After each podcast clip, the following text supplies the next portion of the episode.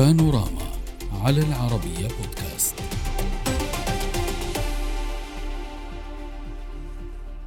رغم إدانتها بالإطاحة برئيس محمد بازوم الموقف الأمريكي من الانقلاب في النيجر لا يزال يوصف بالمتأني.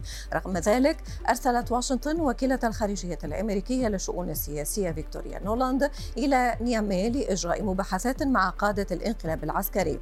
نولاند قالت إنها أجرت مباحثات صعبة مع قادة الانقلاب وعقدت اجتماعات لم يحرز فيها أي تقدم لكنها أكدت أن الانقلابيين يدركون مدى خطورة التحالف مع روسيا وأنها بحثت معهم التهديدات التي تمثلها مجموعة فاغنر بالتزامن وزير الخارجية الأمريكي أنتوني بلينكين اعتبر الدبلوماسية هي الطريق الأفضل لحل الأزمة التي سببها الانقلاب في النيجر مشددا على دعم واشنطن لمبادرة زعماء غرب أفريقيا إكواس لعقد قمة الخميس المقبل التي ستبحث الأوضاع في نيامي. لكن وزير الخارجية الأمريكي أحجم عن التعليق بشأن احتمال انسحاب جنود بلاده من النيجر مثلما فعلت دول أخرى. أناقش هذا الموضوع مع ضيوفي من واشنطن طارق الشامي الكاتب والمحلل السياسي. أهلا بك. ومن الكويت الأكاديمي النيجيري والخبير المتخصص في الشؤون الإفريقية إدريس آيات. أهلا بكم ضيوفي الكرام. واسمحوا لي أن أبدأ من الكويت معك سيد إدريس. سيد إدريس البعض استغرب الموقف الأمريكي أو التصريحات الأمريكية البعض وصفها بالمتأني البعض الآخر وصفها بغير الصريحة غير الدقيقة وغير المباشرة. وكأن واشنطن تراقب وتنتظر. حضرتك كيف قرأت التصريحات الأمريكية والموقف الأمريكي؟ مما يحدث؟ نعم. آه الحقيقة أستاذ أنه الموقف المتأني الأمريكي إذا ما فهمنا المصالح الأمريكية وأهمية آه جمهورية النيجر للمصالح الجيو استراتيجية والجيو أمنية للولايات المتحدة الأمريكية لن نستغرب وخاصة تدرك أن ضغطا مماثلا على جمهورية مالي دفعتها وارتمت إلى أيادي آه فاغنر الروسية. فجمهورية النيجر بغض النظر عن موقعها الجيو استراتيجي آه هي أيضا كما تعرفين أستاذة تملك اليورانيوم. وهذا اليورانيوم بالضبط كانت هناك مطامح إيرانية وخاصة في عهد الرئيس محمدي نجاد كان هناك تفاعل مع حكومة النيجر لشراء يورانيوم من النيجر. فالتدخل الأمريكي وبناء قاعدتيها العسكريتين في منطقة أغاديز إقليم أغاديز وكذلك الإقليم نيامي هو نعم. الذي بتر هذه العلاقة. لكن بعد انسحاب الولايات المتحدة من الاتفاق النووي قد ترجي إيران بطريقة أخرى إذا ما توقفت تصدير إيرانيوم إلى فرنسا. قد تكون إيران الولايات المتحدة لا تريد ضغطا ترفع المجلس العسكري إلى هذا الخيار لأنه تبعاتها قد تكون وخيمة لذلك أستاذة لما وصلت وكيلة فيكتوريا نولان وكيلة وزارة الخارجية الأمريكية نعم. لما لم تضغط على اطلاق عودة النظام القادم أو حتى أمن المواطنين أو حقوق الإنسان إنما حذرت من التعاون مع فاغنر لأنه التعاون مع فاغنر تحدد قاعدتيها الطائرتين التي تستخدمها لضرب تنظيم الدولة الإسلامية والإرهابيين في جنوب ليبيا التي النيجر لها حدود معها هذا. هذا وضحت فكرة حضرتك نعم. ولو أنه حضرتك يعني دخلت بنا لمواضيع أخرى النووي الإيراني وموقف إيران واليورانيوم وكل هذا طبعا هي كل ملفات تتلاقى بشكل أو بآخر ولكن خليني ألتقط منك التحذير الأمريكي من دخول روسيا للنيجر أستاذ طارق هل هذا التحذير ينبئ بتحرك أمريكي معين يضعنا في صورة كيف تفكر أمريكا تجاه ما يحدث في النيجر؟ يعني أمريكا في كل الأحوال هي تخشى من ضياع وجودها العسكري الموجود في النيجر على اعتبار أنها يعني المكان الوحيد الذي تتواجد به بقوة كبيرة أكثر من ألف أو ألف ومائة جندي وخبير يحركون الطائرات المسيرة من ليبيا شمالا إلى نيجيريا جنوبا ومن يعني السودان شرقا. إلى مالي غربا وبالتالي هذه هاتين قاعدتين مهمتين جدا. التحذير الأمريكي هو جزء من كل بمعنى أنها فيكتوريا نولاند القائمة بأعمال وكيل وزارة الخارجية الأمريكية كانت واضحة في التحذير من تداعيات ما يجري ليس فقط بالنسبة نعم. لقطع المساعدات لأنه إذا قالت الخارجية الأمريكية أنه انقلاب سيكون هناك تداعيات قانونية وهي ملزمة بتنفيذ ذلك م. أنه سوف تتوقف المساعدات العسكرية ربما المساعدات الأخرى الإنسانية سوف تستمر لكن العسكرية سوف تتوقف أيضا التحذير من فاغنر هو تحذير للقادة هؤلاء القادة لأن فاغنر ربما سوف تسيطر عليهم وتتحكم فيهم. جيش النيجر هو في النهاية جيش هي حذرت ولو أنه أستاذ طارق هي حذرت من فاغنر ولو أنه قال كذلك مش نولاند بلينكن قالت في بلينكن قال في إحدى تصريحاته بأنه ليس هناك دليل قاطع لدينا على دفع روسيا أو فاغنر بما حدث. أو على الأقل تأثيرهم على ما حدث في النيجر. ولكن قال كذلك شيء آخر. قال بأن هذا الموضوع لن يحل إلا بشكل دبلوماسي. وزير الخارجية الأمريكي أنتوني بلينكن كان حاضر على آه، إذاعة آه، آه، Radio France Internationale الإذاعة الفرنسية وتحدث عن وجوب الالتزام بالدبلوماسية. نستمع له ونعود. Nous sommes euh, نحن ندعم جهود إكواس لمحاولة استعادة الوضع الدستوري إلى ما كان عليه بالنيجر. وبالتالي نحن نعمل باستمرار دبلوماسيا وأنا في تواصل مستمر مع زعماء دول أفريقية ومع إكواس نفسها. كذلك مع الاتحاد الأفريقي والحلفاء في أوروبا من بينهم فرنسا.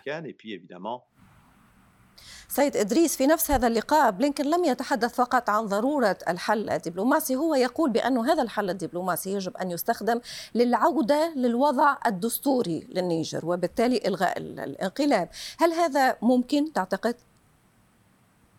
طبعا غير ممكن. لذلك أنا فسرت الموقف الأمريكي بأنه التمسك بشعرة معاوية.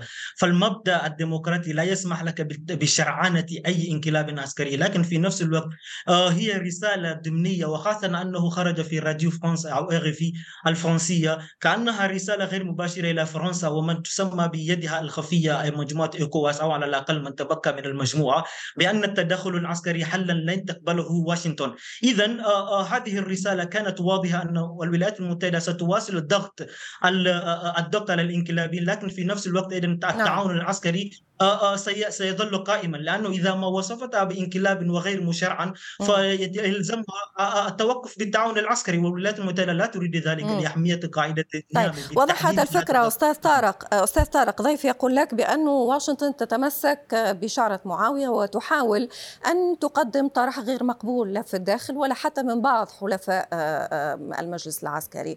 ما الذي يفعله بلينكن يعني بلينكن آه، أعتقد أنه يحاول آه، الإشارة إلى أن الولايات المتحدة لا تريد أن تقطع شعره معاوية مع النظام لكن مع النظام الجديد آه، أو الانقلابيين. لكنها في نفس الوقت هي تحذر من التداعيات المستقبلية. بمعنى آخر أنها هي ليست بعيدة أيضا عن آه، آه، الدول الايكواس وهي تستطيع أيضا التنسيق معهم. آه، فضلا عن فرنسا يعني لا أعتقد أن هناك صدام بين وجهتي النظر الفرنسية والأمريكية بالنظر إلى التنسيق بينهما. السابق في المجال العسكري في النيجر وضد داعش والجماعات الإسلامية المتطرفة والقاعدة وبوكو حرام وغيرها. لكن في نفس الوقت الولايات المتحدة تدرك أن آه، يعني هناك تداعيات آه، ربما خطيرة سوف تواجهها المنطقة في حالة آه، اللجوء إلى استخدام القوة. بالنظر إلى عدم آه، ربما فعالية أو قدرة دول الإيكواس على. القيام بعملية ولهذا السبب أستاذ طارق آه، لهذا السبب امتنع بلينكن عن الحديث عن خروج جنوده من النيجر. هو في نفس هذه المقابلة على فكرة تحدث عن هو سئل اولا آه، قال له الصحافي ماذا عن الألف جندي أمريكي في الداخل في داخل النيجر؟ فهكذا كان رد بلينكن لا يمكنني أن أتكهن عن المستقبل. المهم والضروري هو العودة للوضع الدستوري وهذا ما euh, نعمل عليه الآن. أما الآتي سنرى. سيد إدريس بلينكن يقول آه، لا يمكن أن أتكهن هناك جنود أمريكيون في داخل النيجر ولكن سنتابع. إن تغير الموضوع أو كان هناك أي آه، آه، شيء ملزم سنرى تعتقد ما الذي يمكن أن تقدمه الولايات المتحدة الأمريكية من خلال الإبقاء على جنودها في الداخل النيجيري؟ اولا آه، تستطيع أن تواصل شو اسمه برنامج اجوا الذي حتى الآن لم يتوقف بحسب مصادر خاصة مقربين من السلطة في النيجر. أكدوا لي أنها لم تتوقف. والمساعدات العسكرية أيضا التي أعلنت أنها اوقفتها على الفور. الحقيقة لم توقفها على الفور لأن البرنامج في منطقة تلابيري ظل عاملا اليوم. كما أنه الأمس فقط تنظيم الدولة الإسلامية في منطقة الحدودية الثلاثة أعلنوا أن الخليفة الجديد للتنظيم ويقال إن الطائرات المسيرة الامريكيه الموجودة في منطقة أغاديز أيضا تحركت. فأعتقد أن ما يمكن أن تقدمه الولايات المتحدة في هذا الإطار هو الضغط إلى تسليم السلطة إلى المدنيين أو إلى مرحلة ولكن هذا طالما تتحدث عن تنظيم الدولة الإسلامية وتتحدث عن داعش فحضرتك تلمح إلى أن أمريكا تبقي على جنودها لمحاربة الإرهاب. طيب هذا جميل. لماذا تطالبون بخروج أمريكا من حسابات النيجر اذا لا بالعكس تماما. الرسالة كانت نطالب بالولايات المتحدة بالتنهي جانبا. بمعنى أننا نطالبها بان تتدخل في صراعنا مع فرنسا. فالآن الصراع ومطالبة الخروج الرسالة هذه كانت موجهة فقط للسفاره الفرنسيه حتى لم توجه إلى القوات الإيطالية الثمانين الموجوده ولا القوات الألمانية. وخاصة لا قوات القاعدة الأمريكية الموجودة. كانت فقط موجهة لفرنسا. فالرسالة كانت يعني ودت كانت نعم. كانت تود القول بأني أدعم آه، فرنسا في مجهودها الدبلوماسي أو في أي تحرك. آه، سيد طارق ترى نفس الشيء الإبقاء على الجنود الأمريكيين هو لمحاولة قراءة الموضوع ومن ثم آه، التحرك أو أنه هو رسالة لفرنسا بأنه واشنطن هي حليفة باريس في النهاية.